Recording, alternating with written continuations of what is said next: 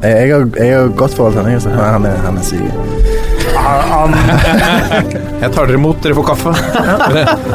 Nå mista jeg lyden i høretelefonene. Der kom de tilbake. Ja. Ja, det er hyggelig å være her. Jeg er glad i, i podkast som fenomen. Jeg må ut.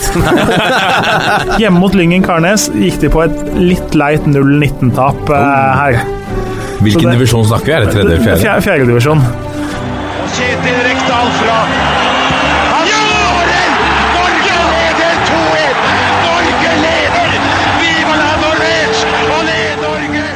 Og der er eh, toppfotball tilbake igjen for andre gang denne uka. Vi har tatt til oss kritikken som har haglet mot Media-Norge, mot at eh, norsk ball ikke får nok dekning. Så her klinker vi til med ukas andre episode. eh, og dagens tema er så stort at det må vies en hel episode, og det må hentes inn ekspertise. altså Det må legges til rette. Vi sitter nok en gang i gullrommet. Vi skal ta for oss en av verdens feteste fotballigaer, nemlig Obos-ligaen. Eh, og for å kunne gjøre det på best mulig måte Vi tar ikke lett på denne oppgaven, så må vi hente inn to karer som har vært i studio før, eh, med stor suksess, til store tilbakemeldinger fra, fra lytterne der ute. Først og fremst Amund Lutnes, velkommen. Tusen eh, hjertelig takk, og en uh, Obos-ligaen verdig intro. Oh, ja, det, er, det er veldig godt å høre. Og ved din side, Roger Risholt. Hei, hei. Det her blir gøy. Her, vi gleder oss veldig til å sette Obos-ligaen på kartet igjen. Det var en veldig god sesong i fjor, og det blir veldig spennende i år òg. Ja, for hvordan føler dere standingen er på Obos-ligaen nå? Dere er, dere er jo mye rundt reiser, kommenterer matcher. Hvordan er statusen til Obos-ligaen i, i Norge? Jeg syns faktisk uh, interessen er uh, stigende. Det viser for så vidt også uh, TV-tallene. Og sånn som med Twitter og alt med sosiale medier, så er jo ting veldig lett å dele, og det er veldig tilgjengelig for alle sammen. Man kan f.eks. bare se det som skjedde nå for ikke så altfor lenge siden. Stefan Hagerup, keeperen til Ullkisa, vrenge frispark oppi krøsset. ikke sant? Da blir det en sånn snakkis på sosiale medier med en gang. og jeg tror nok det blir nye fans av Obos-ligaen hvert eneste år, ja. For de som ikke følger så godt med, eh, og at eh, dette er introduksjonen til Obos-ligaen Disse karene kommenterer altså matchene på, på Eurosport. Er det en spesiell kamp du gleder deg aller mest til eh, i år, Roger?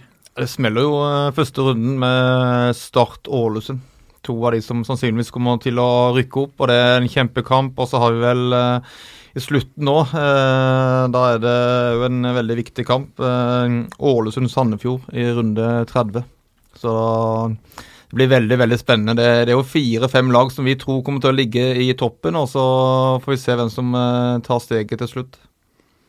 Hvis jeg skal bare trekke fram en eh, kamp som jeg syns er en skikkelig godbit Det er så klart et lokaloppgjør. Det syns jeg er det aller morsomste. Og det er bare fylkesgrensa som skiller de to lagene. Det er altså da vest og aust på Sørlandet. Start skal ta imot på gigantiske Sparebanken Sør Arena. Skal de ta mot Grimstad-laget Jerv 16. mai.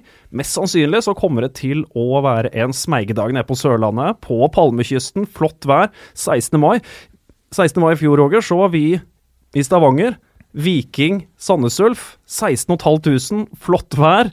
Og 5-2 til Viking og trampeklapp fra hjemmepublikum. Og det var den største opplevelsen i fjor. Kan godt hende faktisk også Start Jerv i år eh, blir eh, en like flott kamp.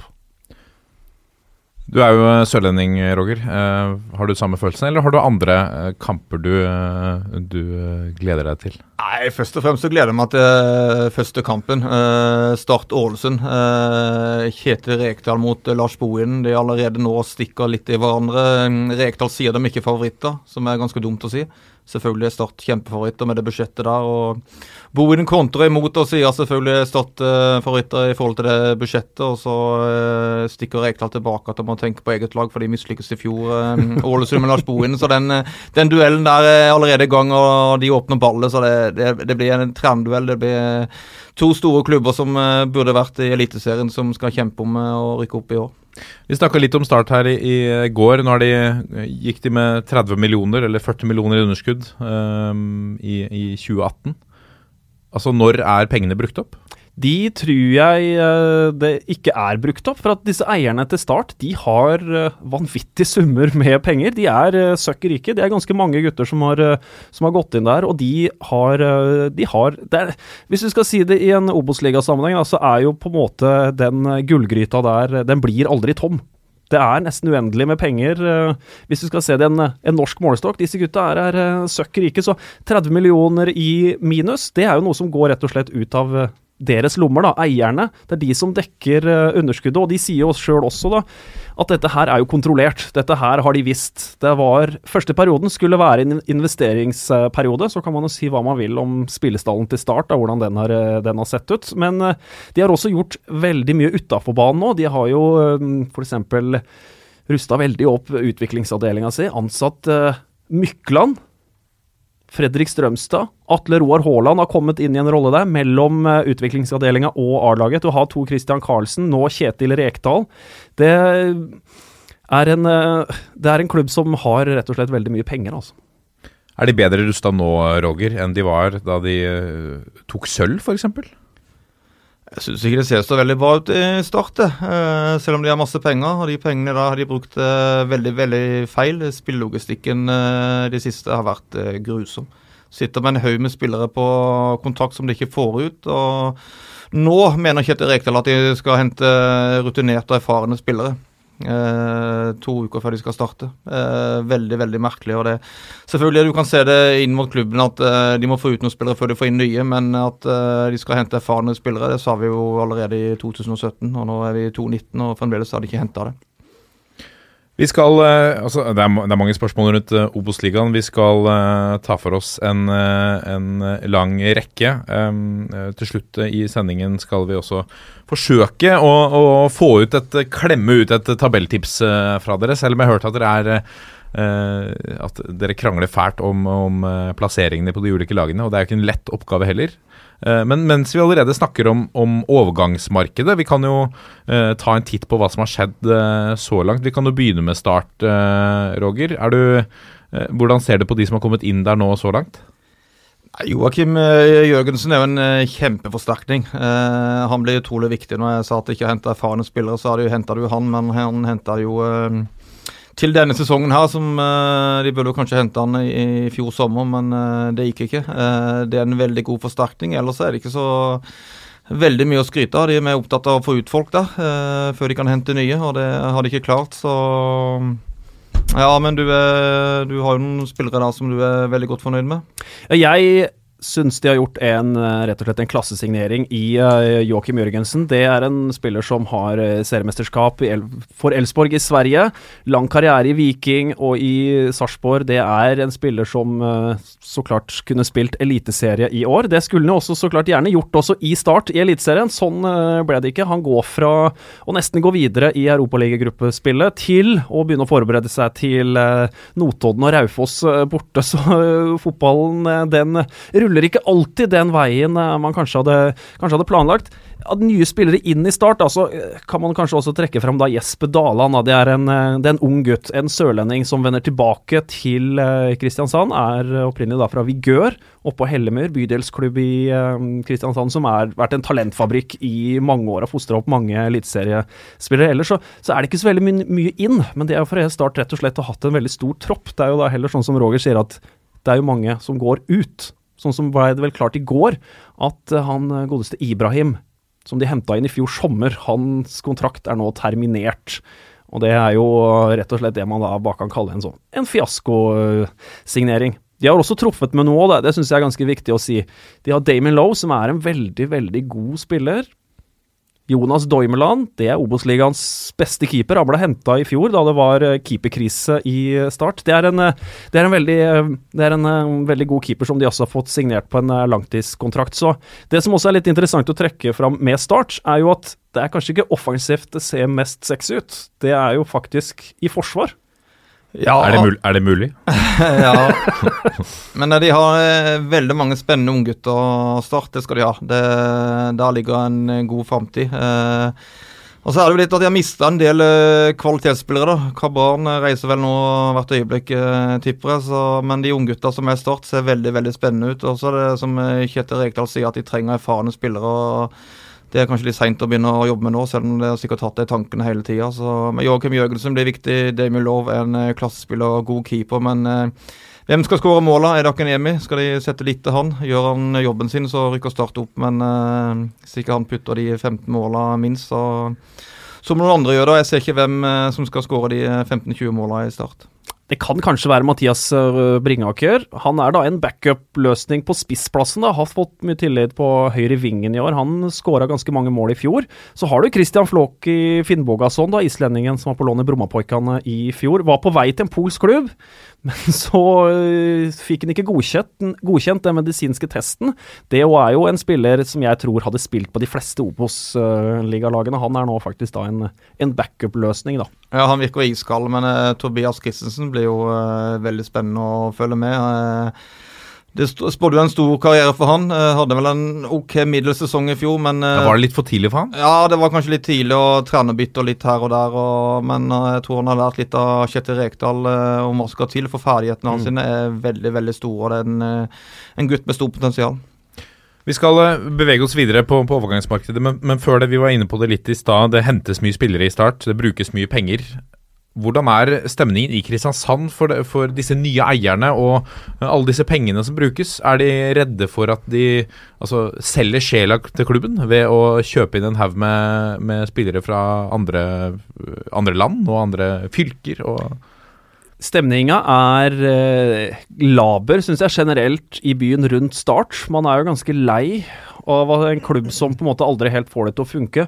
Angående eierne så tror jeg det også er veldig delt. De, den hardeste kjerne er nok litt redd for at uh, sjela i klubben er eh, solgt. Det er så klart en sånn ting som er veldig vanskelig å konkludere med, da, hva en sjel er i klubb, og hva det er, og, og hva, det, hva det ikke er. Men den, den hardeste kjernen er ikke så veldig fornøyd med de nye eierne. Men når de kom inn på det tidspunktet de gjorde, så redda jo det så å si klubben. Det var eh, skakkjørt i 2017, som det også har vært eh, mange år eh, tidligere. Kom inn, og, kom inn og redda det. Økonomisk i hvert fall, ikke sportslig, for det er jo tilbake igjen der eierne starta, i Obos-ligaen. Tilbake igjen der, så det er jo ikke helt etter, det er jo ikke helt etter, etter planen. De kommer inn med masse kjærlighet.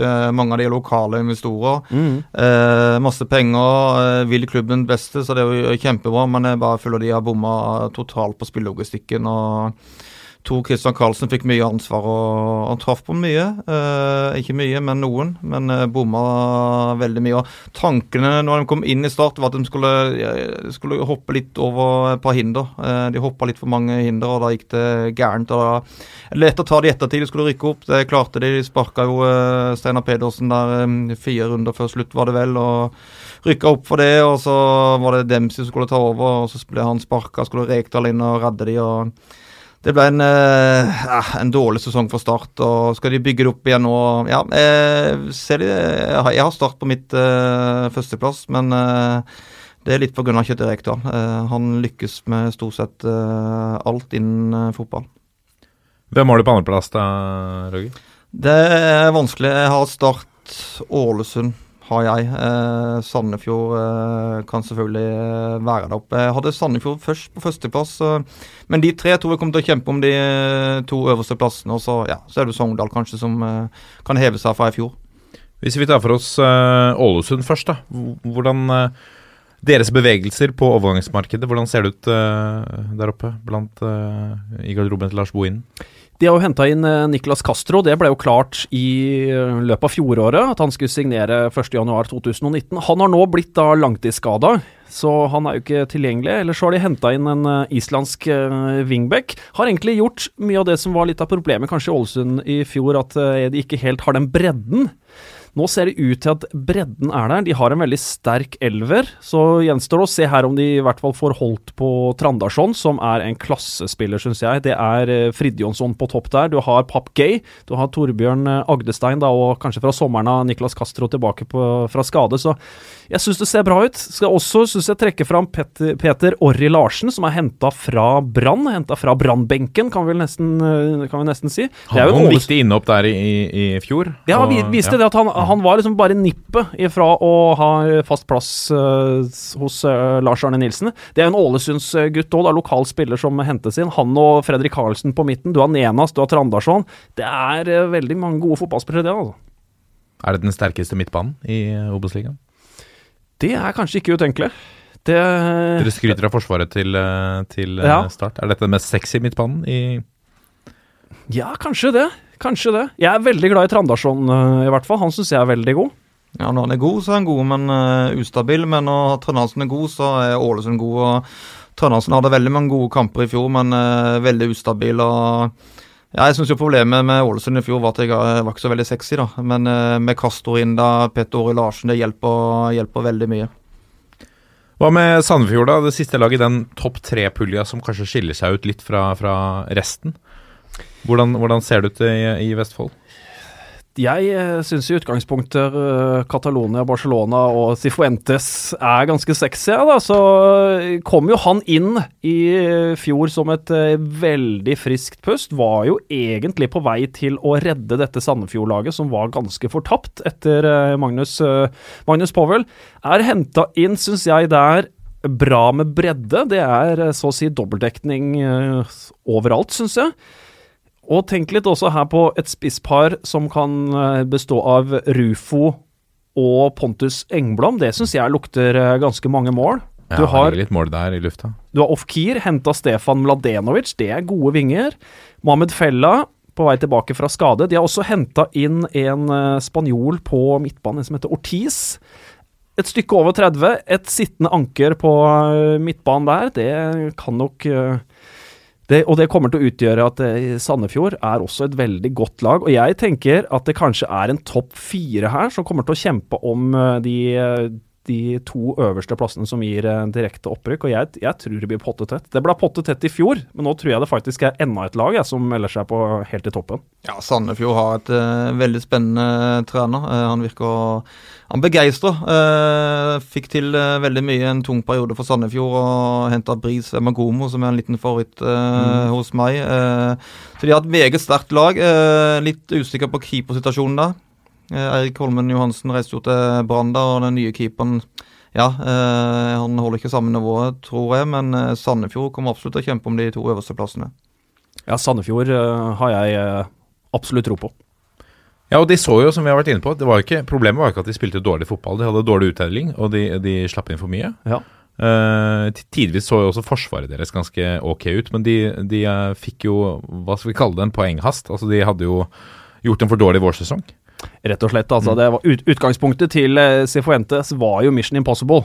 Og, det, og Mission Impossible er jo umulig, og det, det blei også umulig, men det var ikke langt ifra at han faktisk bikka det, bikka det ordentlig i favør. Nå kommer de til å møte en del dårligere lag i år da, i forhold til det de eh, møtte i fjor, så det forsvaret der som kanskje ikke er bra nok i Eliteserien, er eh, mer enn bra nok da i Obos-ligaen. Til og med med en landslagsspiller som jeg så nå på Facebook akkurat tatt ut på landslaget. Landslaget til Andorra, så klart. da, Han er Mark Valles, han, eh, han midtstopperen. Så han nå kommer nok til å være en bauta, tror jeg, i, eh, i Obos-ligaen. Og tenk også på Pontus Engblom i Sandnes Ulf. 18 mål ene sesongen. 25 mål eh, sesongen etter. Han veit hvor målet står i Obos-ligaen, altså. Er dette fordi Vi har et par eksempler når vi har hatt det de siste årene. Eh, Naglestad f.eks. En, eh, altså en kontinuerlig mål, målskårer som ikke får det til på toppnivå. Vi har, eh, vi har Pontus Engblom, som heller ikke Han fikk jo ikke muligheten så mye i, i eh, godset. Hva, hva er hovedforskjellene, ser dere, i, mellom å lykkes som spiss i Obos-ligaen kontra Eliteserien? Jeg, jeg tror det er ganske avhengig av hvilket lag du spiller på, ja. De rundt deg, hvor gode de kan spille det. Ja, eh, spillestil eh, er jo veldig viktig. Selvfølgelig spiller du på et topplag, så er det lettere å skåre mål, men Fred Johnsen jeg synes han har litt av hele pakka. Han er sterk i kroppen, han er god feilvendt, han er god rettvendt. Eh, utrolig god til å avslutte. Sterk i lufta, så han har mye til å Han blir nok eh, igjen eh, toppskårer, kanskje. Kanskje Pontus Engblom er med og kjemper der, men eh, de kvalitetene som er på de beste spissene, de, eh, de er veldig høyt. Og så er det ikke så mange av de, men eh, det er noen av de, og de, eh, de er veldig, veldig gode. Dere snakker om en topp fire i toppen her. Til etterpå at Sogndal er det fjerde laget dere vil ha med i helt i tett? Ja, jeg vil i hvert fall ha med Eirik Bakkes disipler der. Altså, der syns jeg det ser mye bedre ut enn i fjor. Vi satt og snakka om det litt uh, tidligere da, Roger. Spesielt offensivt, da. Så ser jo Sandnes Ulf uh, mye kvassere ut år enn, i år enn de gjorde i fjor. Ja, eh, Sogndal med Sigurd Haugen der eh, Han hadde en veldig god sesong i fjor, Sigurd Haugen. Og problemet Sogndal hadde utrolig mye skader i fjor Mm. eh, på sentrale spillere. Nå har de fått inn eh, Ernemann nå, da, som eh, rutinert rev fra Viking. Så ja, Sogndal eh, har vært skuffende nå et par år, syns jeg. Men eh, de, kan, de kan være med og kjempe om eh, topp to. Tilbake fra skade har vi også da f.eks. Martin Ramsland og Ole Amund Sveen. To veldig gode offensive spillere. og Det er jo på en måte det som kanskje har vært litt av kritikken mot uh, Sogndal. At det blir litt for traust, det blir litt for baktungt. og Skårer ikke nok mål og underholder ikke nok. Det ser i hvert fall sånn akkurat per dags dato ut nå som at um, Sogndal kommer nok til å bli litt morsommere å se på. Jeg vil også trekke fram aktor Jerome Adams. Denne nigerianske unggutten som de har uh, helt på topp. Har banka inn mål for juniorlaget. Fikk så vidt prøve seg i fjor. Han uh, stilles det ganske høye krav til i år og blir en veldig spennende mann å følge som de har på lån enn så lenge, da. Men så vidt jeg har forstått så har de en opsjon på kjøp, så det er også et sånt navn man kan merke seg.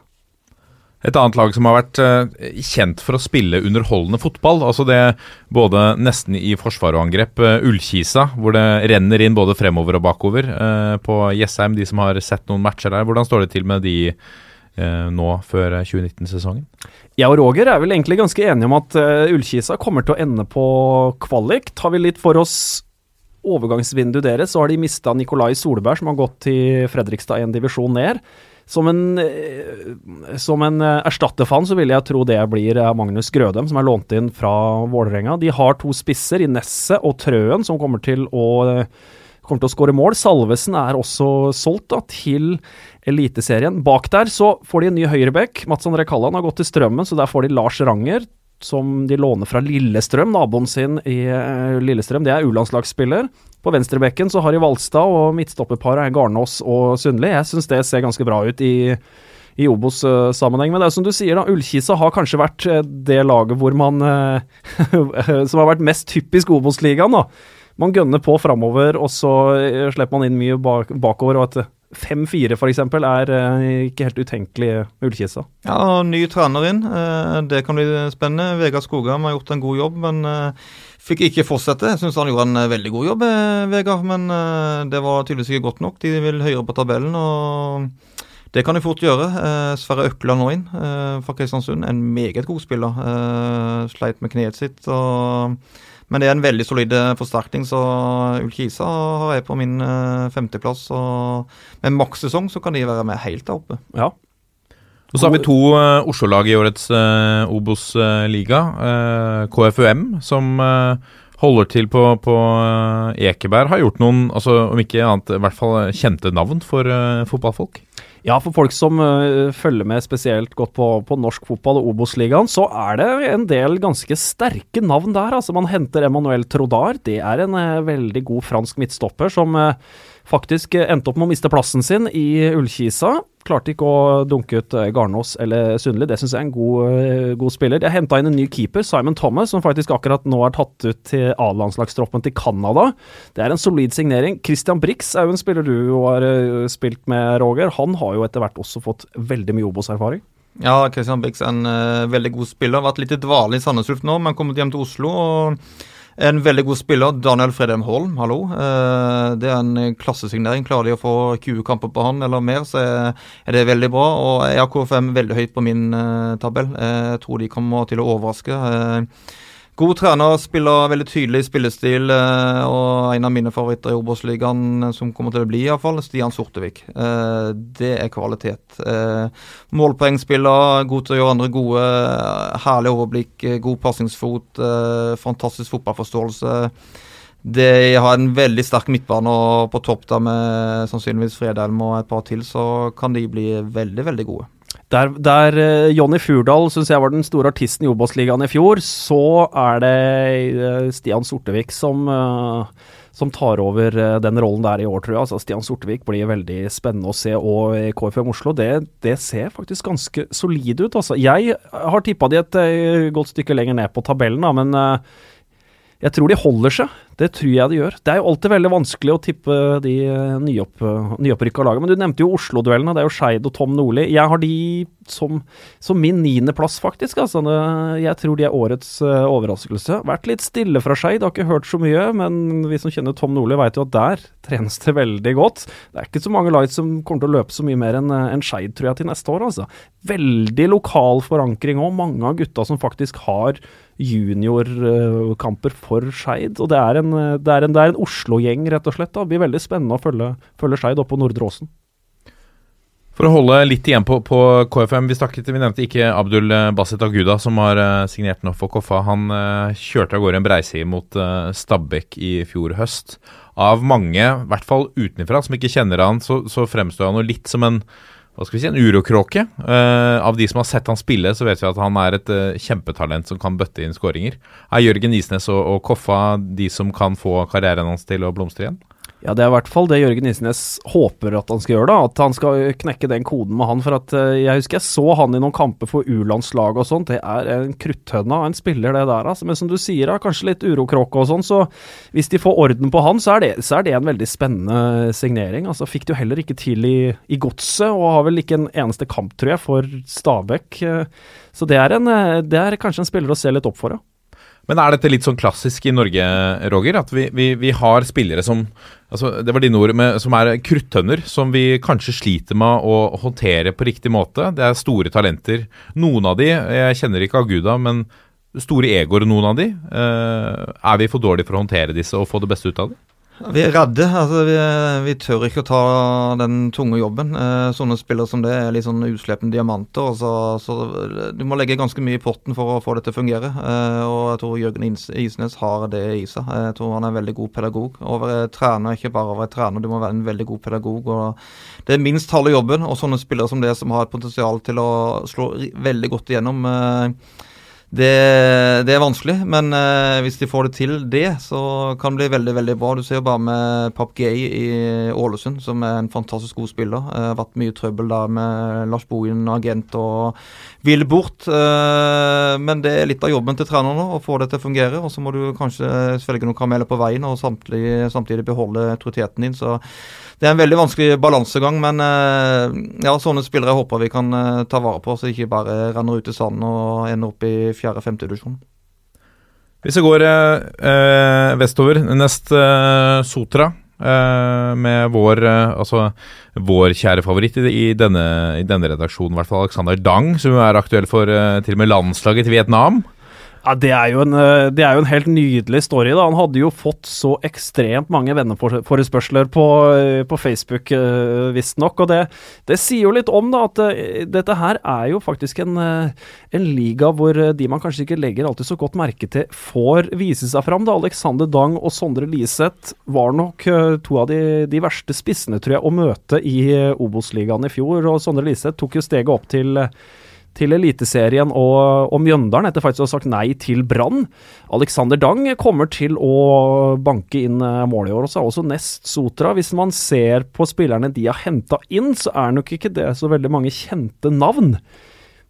Jo Sondre Aas fra Levanger, Markus Ja, Olsen Pettersen, Brann. Ja, Det er jo et par av de som er har eh, i hvert fall eh, litt, om ikke meritter, men erfaring i beltet. Absolutt, og det er eh, to av de mest kanskje sånn profilerte spillerne de har henta inn. Men for, for eksempel eh, Jefferson Sosa kan bli en veldig spennende spiller å føle som de henter faktisk helt ned fra tredjedivisjon. og og Brodd. Senai Hagos er veldig spent på om Steffen Landro kan få mer fotball ut av eh, den tidligere Åsane-vingen.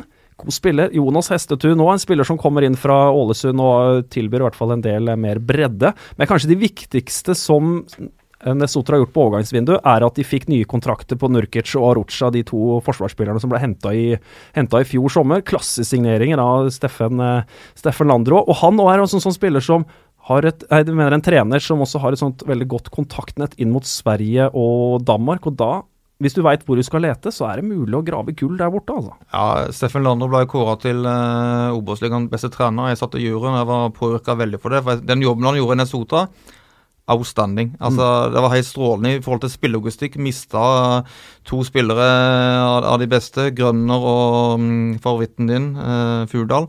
Eh, Allikevel så henter han inn nye hele tida. Nå er det elleve nye spillere han har henta. Eh, Kjemhus fra Sogndal. Kanskje han får skikk på han. Eh, en som heter Vladan Radocovic, eller noe som det uttales. Ja. Eh, veldig veldig spennende. Så han finner liksom noen, noen eh, spillere som spiller i lave divisjoner som ingen har sett før. Og så lager han litt eh, gull av gråsteiner. Henta en danske nå som ingen har hørt om. Treffer han igjen, så er det bare å ta av seg hatten igjen for Steffen Landro. For det er en utmerket jobb det han har gjort i Nessotra. Og han er jo en, en profil også. Jeg leste noen av sitatene han kom med i, i fjor. Det er jo fantastisk å høre. Noen bør jo sette på den mannen en mikk, følge han i garderoben, og så kanskje blir innspillinga innspilling av alle gutta sesong to med Nessotra. Altså, eh, det er vel sånne profiler Det hadde ikke vært så dum idé, faktisk. Nei, det er ikke så dårlig Eh, Dere der ute, plukket opp. Ja, plukket opp. på, på innsiden av eh, Ness Sotra, der hadde det vært ganske interessant å følge hva som skjer på kontoret der, med økonomi og signeringer og kontrakter og Der uh, har det skjedd uh, veldig mye. Men også en ting som er også litt interessant å se, da. De sender også spillere til Eliteserien her. Egil Selvik var jo så klart bare på lån, leverte knallbra. Han går inn i Odd. Mm. Og så har du Harry Sirak, han går til Kristiansund, Eliteserien, og Sondre Liseth til, eh, til, eh, til Mjøndalen. Så det viser her at det er en veldig god utviklingsklubb. Dette er klubben også som fikk fram eh, Steffen Skålevik. Sender jo også for så vidt Jonny Furdal til, til Eliteserien nå, selv om han gikk i, gikk i fjor sommer. Så det, det Steffen Lander og driver med oppå på Ågotnes der, er er veldig moro å se på. Og ikke minst da, en klubb som får liksom skvisa ut alt som er av pengene sine. Det blir liksom ikke sløst med pengene oppå ø, Ågotnes. Her har man lite penger, og det veit man, så vi må være ekstremt flinke med de få pengene vi har, og de er veldig flinke. Er det litt uh, Obos-ligaens uh, Sarpsborg 08? Ja, det kan man jo absolutt si, at, men bortsett fra at Sarpsborg 08 nå faktisk har fått en ganske god økonomi, da, og ser man spesielt på signeringene til eh, Sarpsborg 08 i år, at eh, her har de hatt muligheten til å legge mye mer penger på bordet enn de har gjort eh, tidligere. Men det er også en klubb da som er det er sånn På Sarpsborg stadion så er det nesten sånn svingdør. Det er én spiller inn og én ut, og så er det én inn og én ut. Det er jo en av de vanskeligste klubbene faktisk å holde seg oppdatert på overgangsfronten på. Hva med, med Jerv, eh, Roger? De, de eh, havna vel lavere på tabellen enn eh, publikummet nede i Grimstad skulle ønske seg i fjor, med en 13.-plass. Hvordan ser det ut eh, for 2019? De har jo hatt noen magiske sesonger, eh, men to sesonger nå, de to siste sesongene nå har ikke vært eh, veldig bra. Eh, mm, begynt med nytt system. 3-5-2 har de kjørt inn nå. Eh, Henta Simon Larsen. Klassesignering fra start kommer til å bli veldig veldig viktig, spesielt når Glenn Andersen har gitt seg. Eh, fikk henta inn eh, Markus eh, Brensrud nå fra, fra Sogndal. og Kanskje det er spissen som skal skåre de målene som gjør at eh, Jerv kommer høyere på tabellen. så Igjen, Jerv har, har eh, noen meget gode spillere. Eh, Mathias Wickman, eh, klasse Sernikov, eh, sa Simon Larsen. De har eh, Kristoffer Tønnesen, hvis jeg får lov til å beholde han. Så åtte-ni veldig gode Obos-ligaspillere, men bredden fremdeles tynn, og den blir tynnere og tynnere for hvert år. så... Men har mye lokale spillere. Når jeg sier lokale spillere, så må jeg si eh, sørlendinger, ikke Grimstad-gutter, men det er mye sørlendinger på laget der. så da det er bra for lokalfotballen eh, der nede, men Jerv kommer nok til å vake litt sånn i, midt på tabellen, eh, tror jeg. Det kan gå begge veier med dem.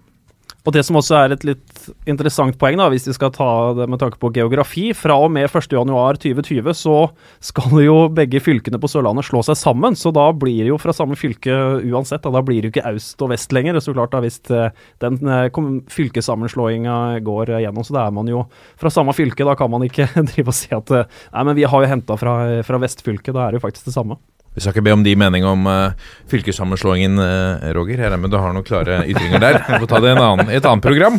Um, HamKam har uh, Der har de jobbet jevnt og trutt i de siste åra etter, etter de rykka opp fra, fra, fra, post, fra PostNord. Hvordan ser det ut på Hamar? Kevin Knappen er jo ferdig.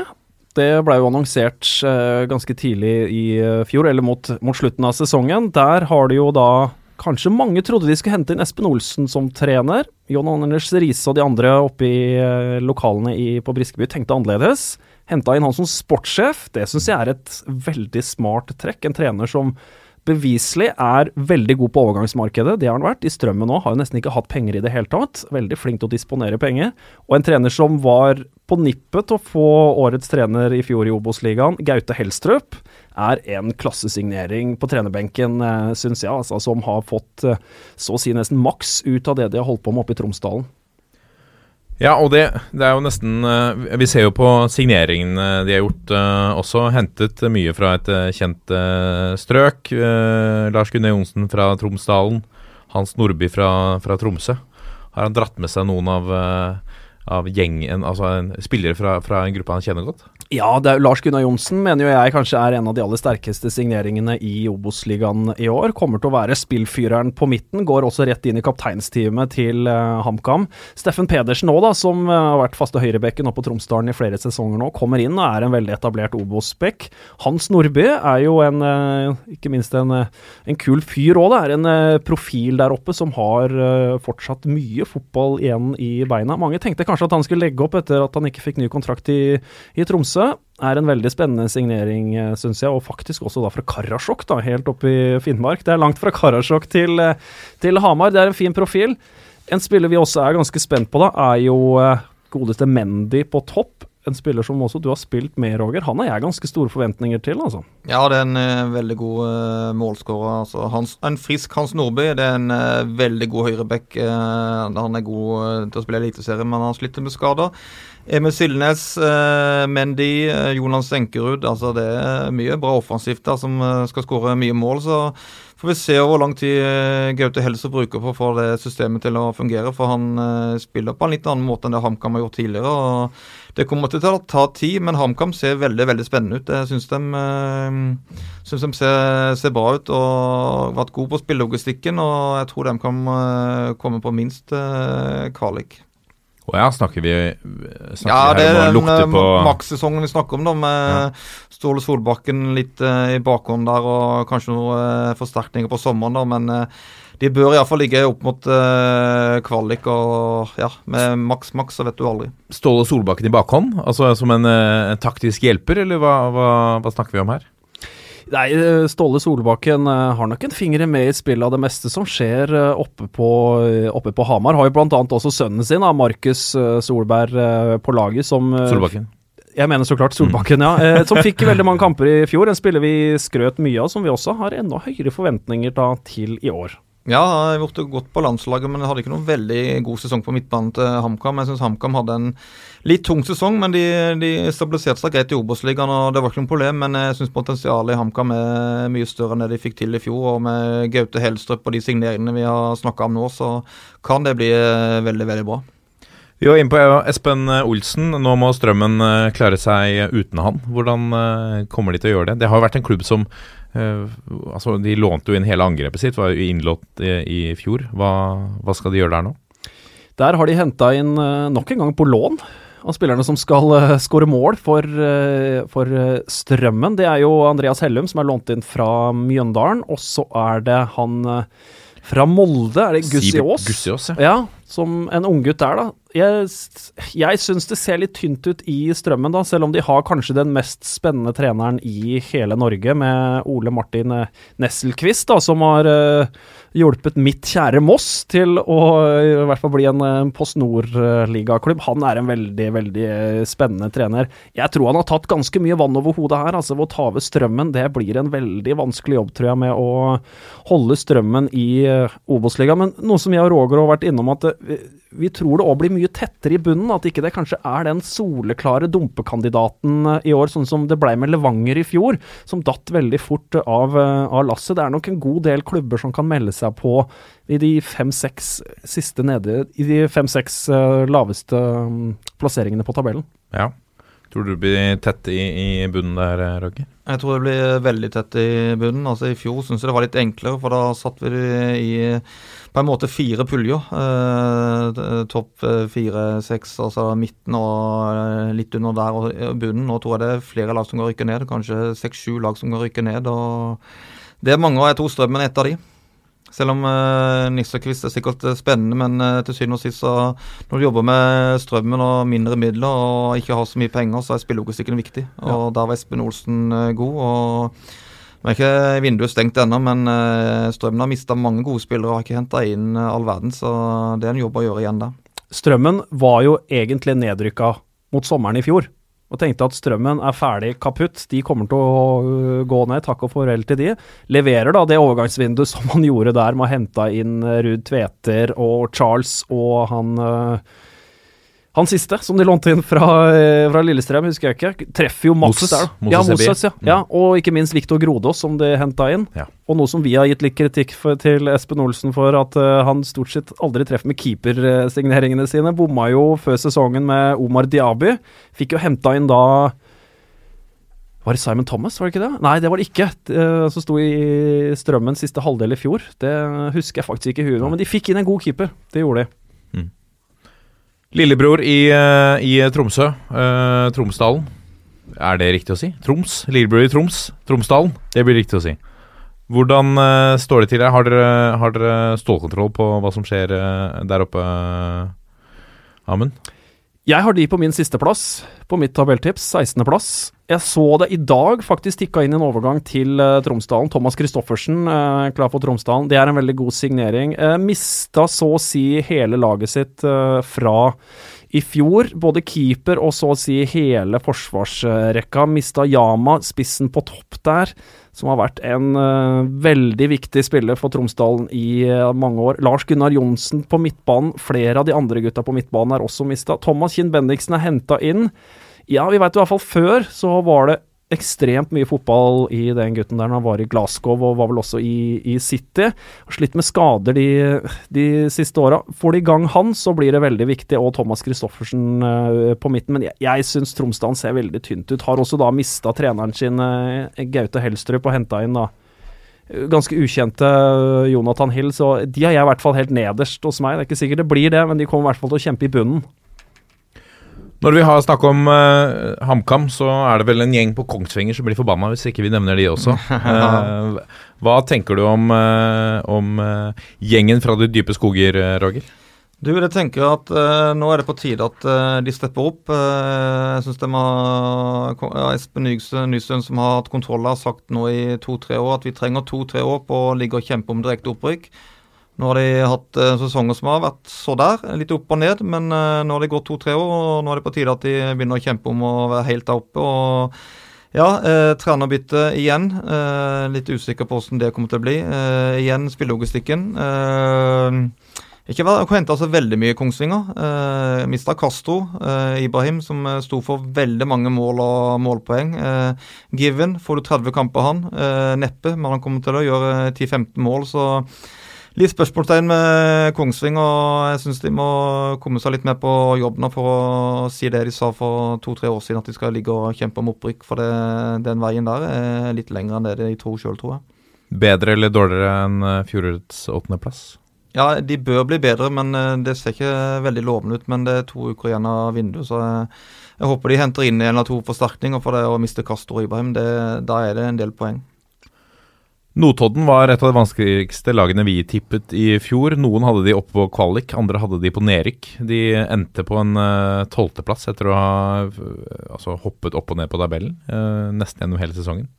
Hvordan ser det ut der oppe? Fikk jo en ekstremt god flyt på starten av sesongen uh, i fjor, og vårt eh, tabelltips i fjor om at eh, Notodden skulle gå rett ned, så jo ut til å være en stor bommert. Så vant jo nesten ingenting fra sommeren og ut, ut sesongen. Eh, De har jo så å si nesten ikke gjort noen ting. De har uh, sluppet en del spillere som ikke de har uh, gitt ny kontrakt til. Fått signert en, spiller, en del spillere som hadde kontrakt med de i fjor, hvor kontrakta gikk ut.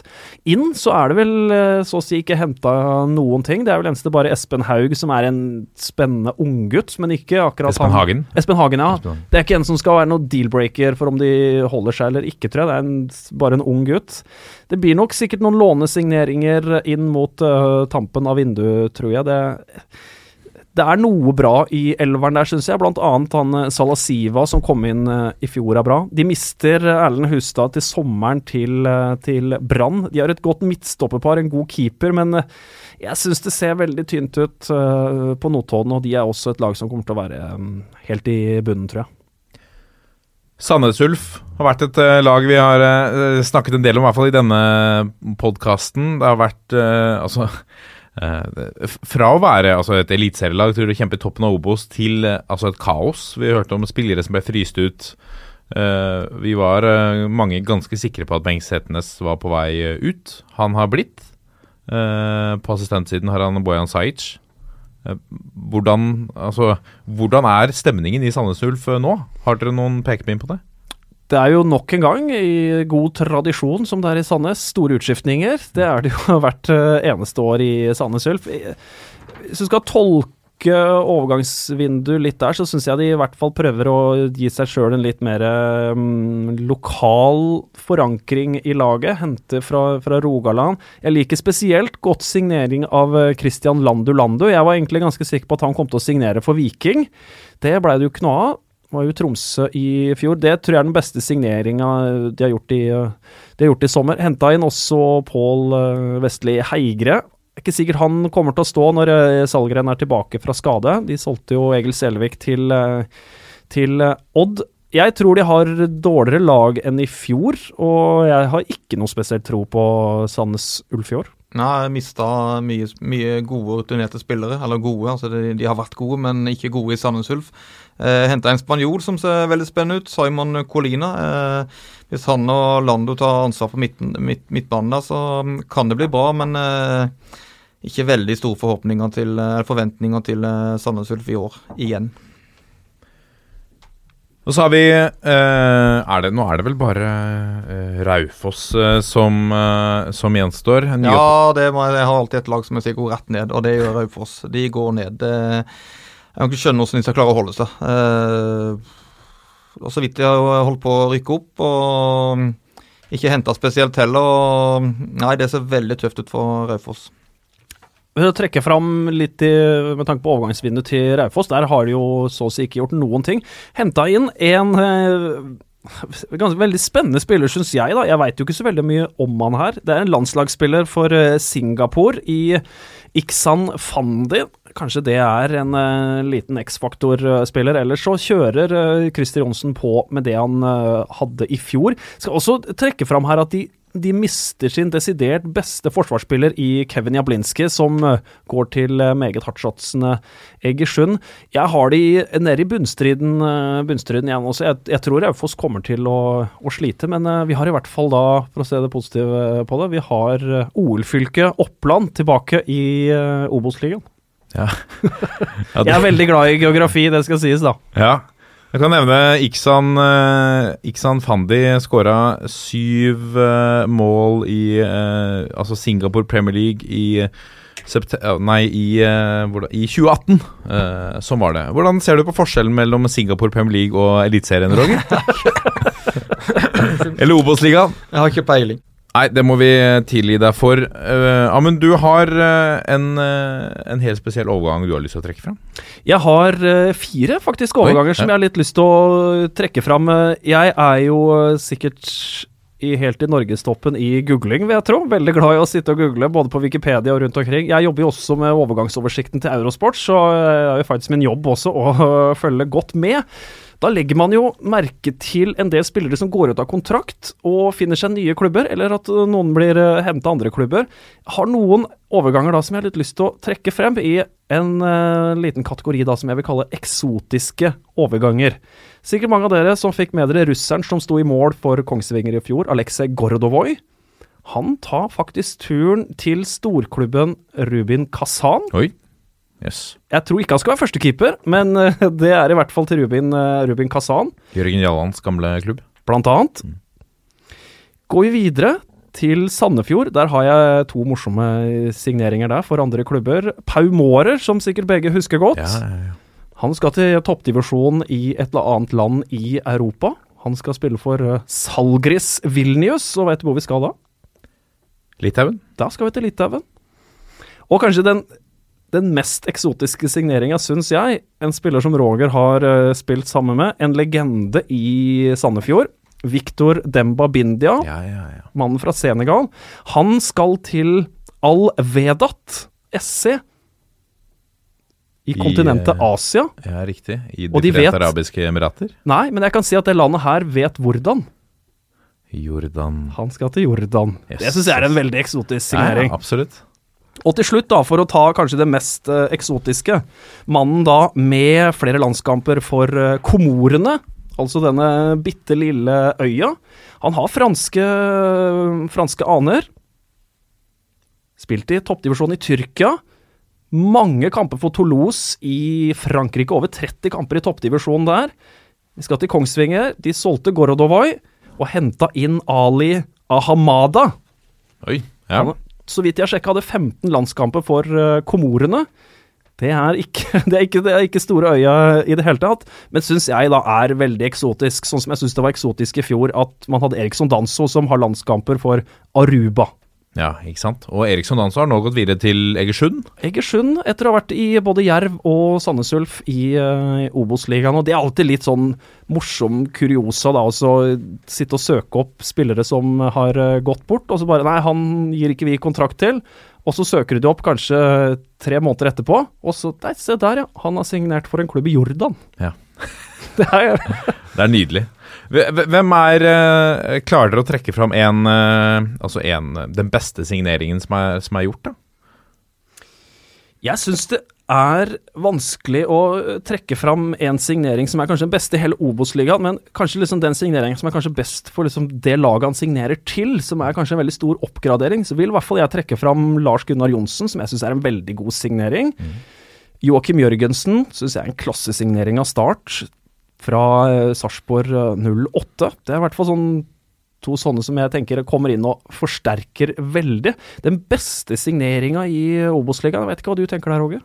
Ja, Joakim Bjørgensen eh, tror jeg kommer til å bli veldig viktig eh, for Start. Eh, så, altså Daniel Fredheim Holm er sånn spiller du er så glad i. altså Han har ferdigheter, han har ro, eh, han skårer mål, fine mål. Det er veldig spennende. og så er de viktige spillerne som eh, Sverre Økland, som gikk til Ullkisane, er jo spennende. Hva kan Magnus Grødem få til eh, der i tillegg? Så Simon Colina i Sandnes Ulf. Hvis det går mot en god sesong i Sandnes Ulf, så tror jeg det kan være en eh, veldig god spiller å se opp for. da, Men da må Sandnes Ulf melde seg på. da, så ja, Det er mange spillere. Castro f.eks., når han blir frisk, er jo en veldig god spiller som alltid gjør masse poeng. Opp mot 20 poeng hver sesong. og Markus Brensrud, hvis det fungerer for Jerv, så kommer han til å bøtte inn mål der. Så det er mye spennende, altså, jeg må si det.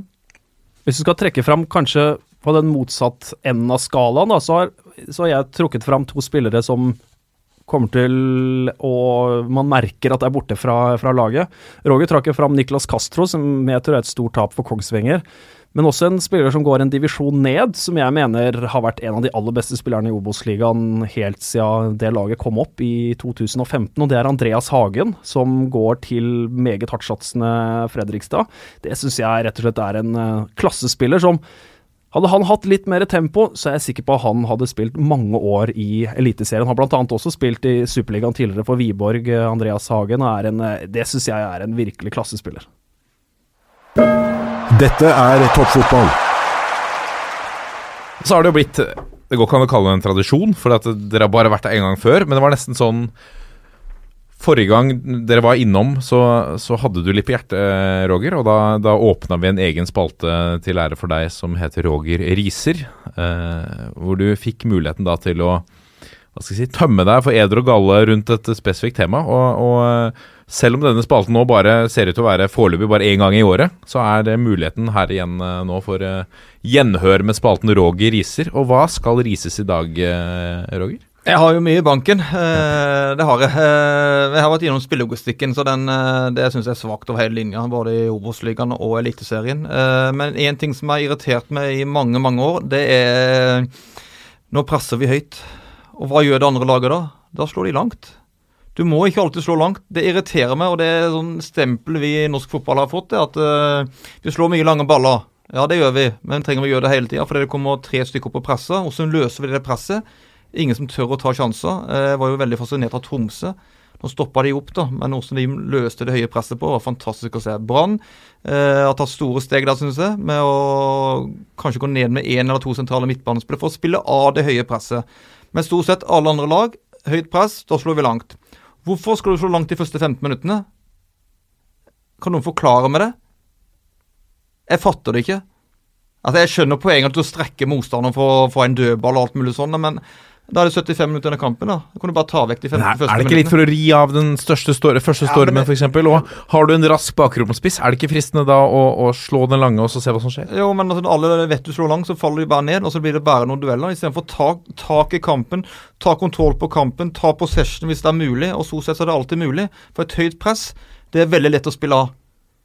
Uh, Ranheim er fantastisk gode på det. Men bør man kanskje trene mer på spillet på Altså for å spille seg ut av høyt Hvis press? man vil noe med, hvis man vil noe med spillestil og med sitt eget lag, så, og, og, og se lenger fram i kula, så absolutt. Jeg syns Ranheim er fantastisk uh, gode på det og er veldig tydelige. Uh, de sier jo bare det at eh, vi klarte ikke å spille av det høye presset. Eh, hvorfor klarte de ikke det?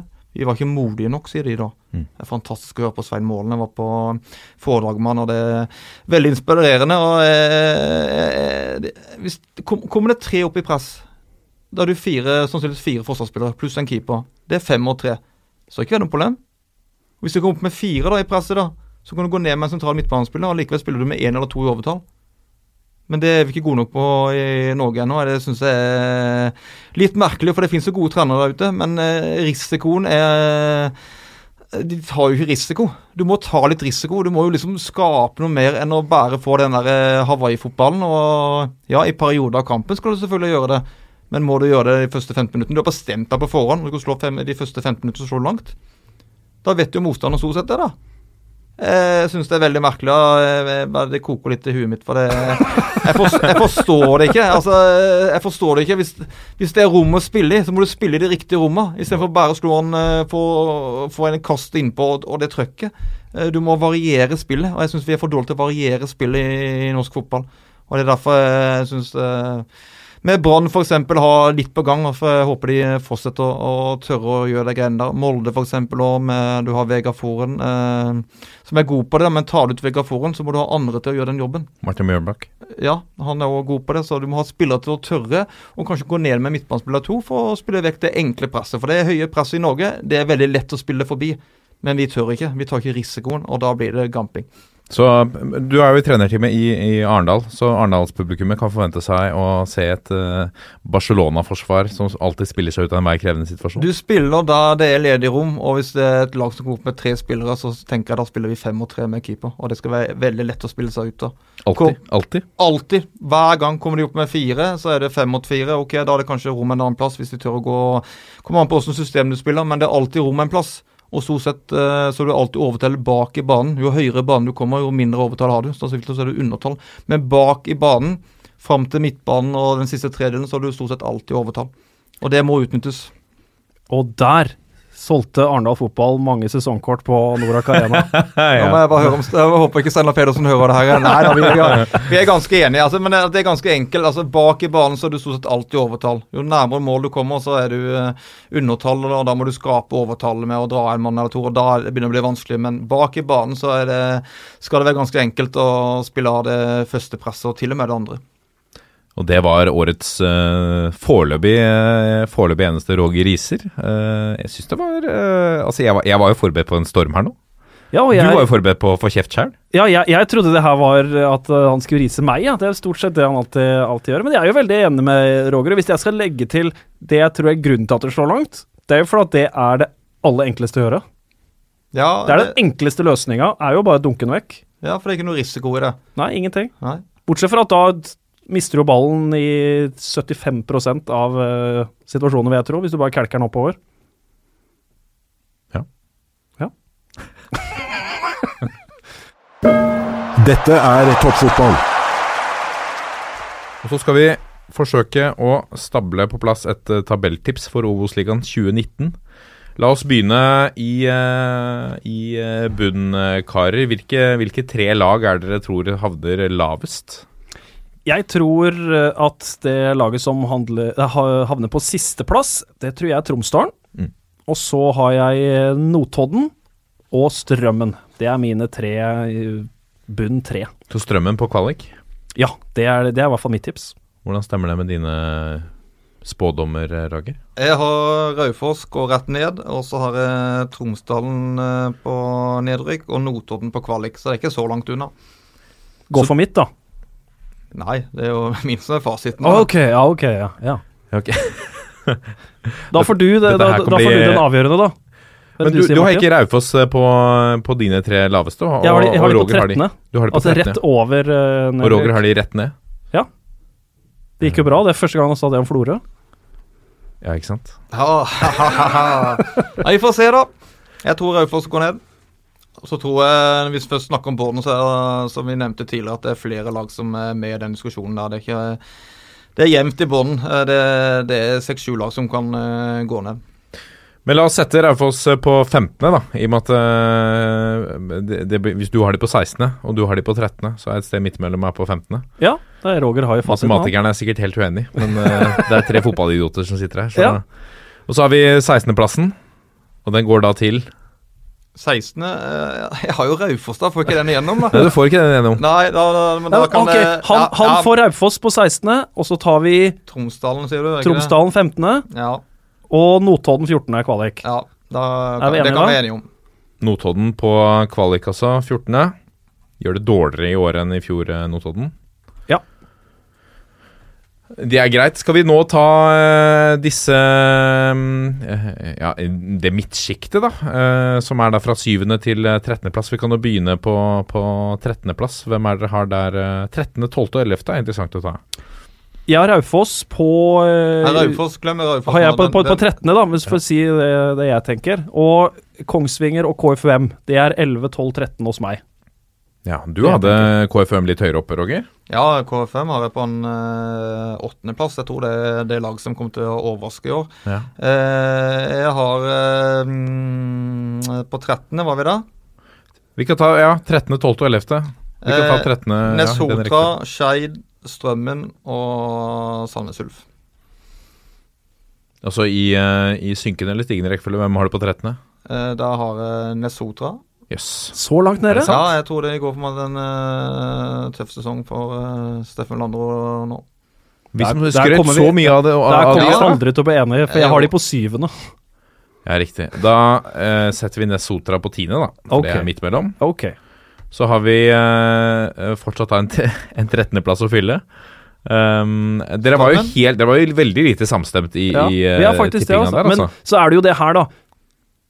Når tabellen, vi får sluttabellen med 30 kamper, så kommer det ikke til å være mange poeng som skiller disse, disse lagene her i det hele tatt. Så om vi krangler om 11- eller 13.-plassen, Ja, så si. trenger ikke det å ha noe å si i det hele tatt. si. Eh, Det er det også klare å sette lagene i den rette rubrikken, Mm. tenker jeg da. Men Skeid, dere øh, hadde begge to Skeid på de øh, Altså på de øh, fra tiendeplass nedover? Det er mitt overraskelseslag, da. Er riktig? Tenker jeg at Skeid eh, kommer til å være den positive overraskelsen eh, i år. Men eh, det kan så klart også bikke, bikke andre veien. At det, men det, jeg tror i hvert fall de holder seg. Hvor har du plassert ganske Roger? Jeg har Skeid på en eh, tolvte. Men det er Tom Nordli. Jeg bare ser liksom på overgangen de har henta Mathias Dahl Abelsen. Det er liksom det de har henta av, kvalitet. Eh, men det er Tom Nordli. Og de var gode i eh, fjor. De var gode i fjor, og de har Tom Nordli som har et eller annet han får det som regel alltid til. Og så får vi se hvor lenge det holder før, det blir, eh, før de blir mette, som de sier. Men Tom Nordli, altså for, igjen, det er en herlig å få han i Obos-ligaen. Det funka i en god del år nå, Og det har vi ikke snakka Tom Nordli, eh, Kjetil Rekdal, Lars Bohinen, Bengt Seternes, Eirik Bakke altså det Trond som- Fredriksen. Trond Fredriksen. Det er trenerprofil overalt her. Mm. Eh, så Steffen Lander, Gaute Helstrup altså det Vegard Dokken, ikke minst, da, i uh, Notodden. Må ikke ja, han heller. jeg ble helt supert. Det blir veldig mange fine profiler. Men eh, hvilken plass er det vi har, Martin? Ja, Hvilken plass satte du Skeid på da, Roger?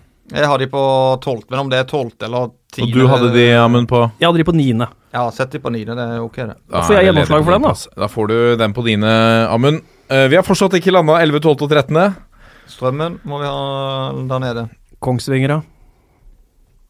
Ja, jeg har de på sjuende, så jeg kan eh, Vi setter, eh, vi setter strømmen vi, Altså, vi, vi var ikke så snille med strømmen i stad i gjennomgangen av det. overgangene. Og, og Det det, kan kan bli tøft. tøft for Nesselquist. Så, så jeg også uh, Dere er ekspertene her, men, men min magefølelse går også på at de er med og kjemper der.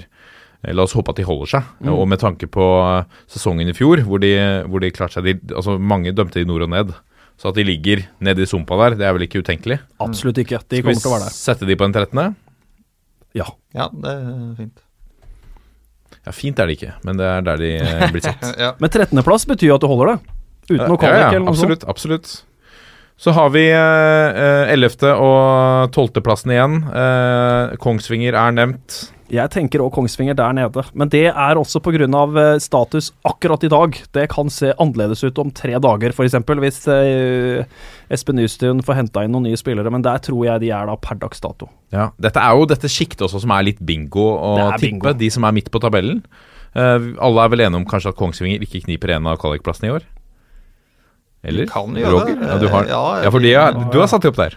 Nei, jeg har de på en uh, sjuende. Uh, men ja, igjen da, det er jo hva som kommer til å skje de siste to ukene av vinduet. Men per dags dato Tenker jeg 11., altså. Det er liksom der i det sjiktet der. Ja. rundt der. Roger?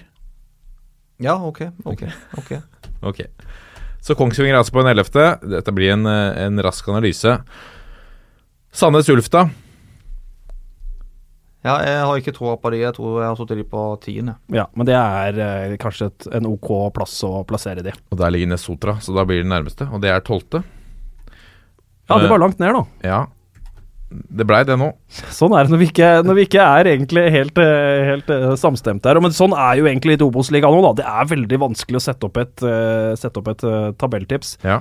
Du har også Jerv inn i, Ja. eh, inn i eh, røkla her. Vi har eh, av de da som eh, hører til kanskje på midten her, så har vi eh, Jerv, HamKam, KFM og Ullkisa. Av de, bortsett fra de fire som vi har snakket om helt jeg, i toppen. jeg vil ha HamKam og Ullkisa på kvalikplassene. Ja. Vi kan jo putte de der med en gang. HamKam inn på en uh, fjerde, tredje, fjerde, femte eller sjette. Femte, tenker jeg. Roger? Nei, Kisa på sjette. Kan Bytte om de. Nei, du kan få, du kan få Ullkisa HamKam på kvalik, men uh, Ullkisa på femte og Kamma og HamKam på sjette, da. Ja. Ok. Kisa da inn på femteplass, og HamKam inn på sjette. Dette er som uh, Grand Prix, Ja, eller ja, bare å plotte inn Ja, ikke sant? Um, så står vi igjen da av de mid antatte middelhavsfarerne, eh, Jerv og KFUM. Og det er syvende og åttendeplass som gjenstår. Er det en eh, fair plassering på de to? Kanskje i omvendt rekkefølge? Ja, må du, da må du i hvert fall ha KFM. Da har du stor tro på Jervet, Jerv, eh, Roger. Ja, nei, jeg har eh, KFM på åttende og Jerv på niende, så det er ganske likt. Da blir det syvende og åttende på de, da. Ja, det gjør fort det. KFM ja. på syvende. Og så kommer det morsomme.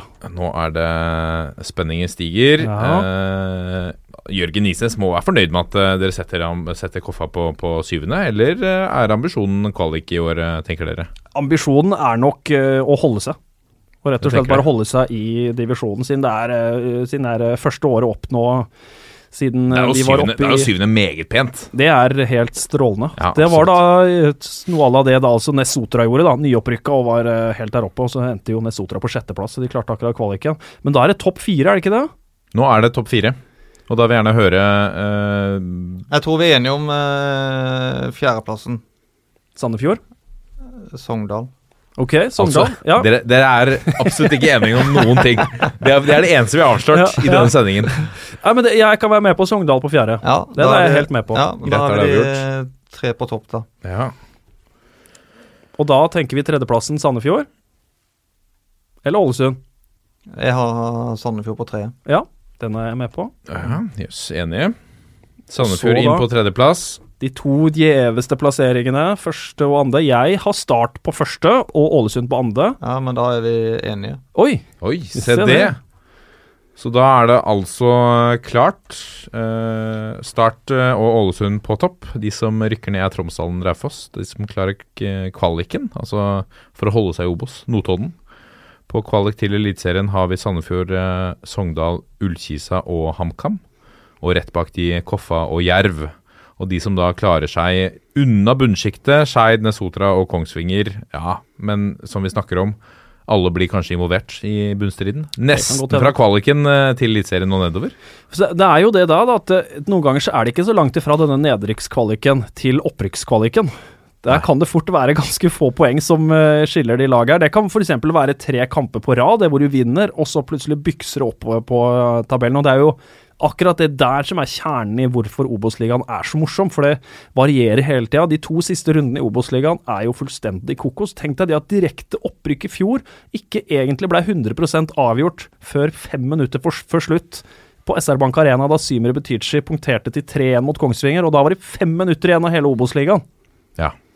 Det Nei, er, det- det er helt ekstremt. Ja, det er helt ekstremt. Og det, og det å gå fra da å føle helvete som ligger eh, bak deg og lurer med et potensielt nedrykk fra Obos-ligaen til noen kamper etterpå og være med å kjempe om kvalik. Altså, det er helt uh, fantastisk. Ja, det, det, er, det er det det det er er. sikkert også. noen som hater det, men uh, at, at det er så uforutsigbart. Jeg tenker jo at å være en daglig leder i Obos-ligaen må nok være en av de personene tror jeg, som får mest hjertemedisiner. For her kan det godt hende at du må planlegge en sesong i Obos-ligaen neste år.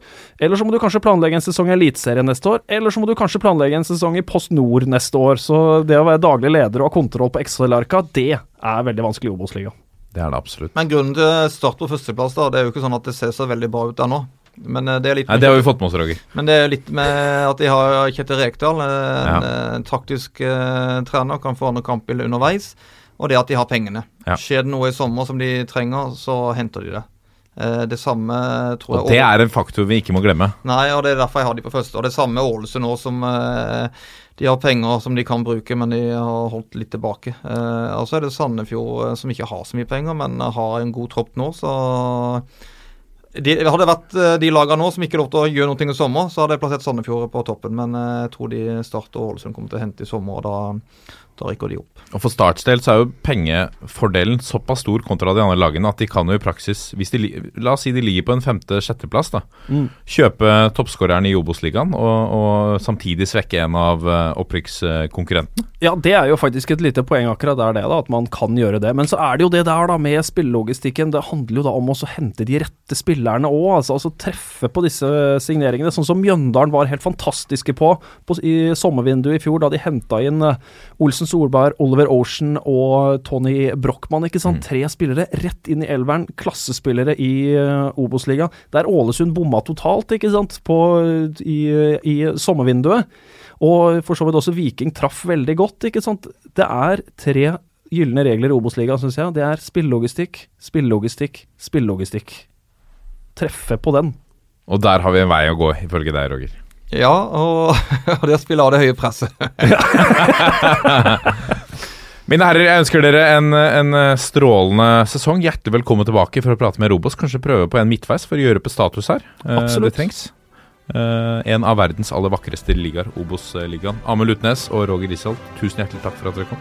Ja, tusen takk for å få lov, for å få lov å komme. Ja, eh, det var bare hyggelig. Vi er eh, Toppfotball på Facebook, Twitter og Instagram. Gå gjerne inn og legg inn en rating så blir vi veldig fornøyd. Og så får vi se om gutta her er med på avslutningen, eller så blir det like pinlig som det pleier å gjøre. Da gjør vi som følger på én, to, tre.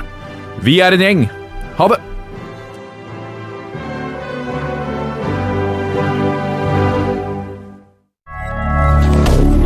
Moderne media.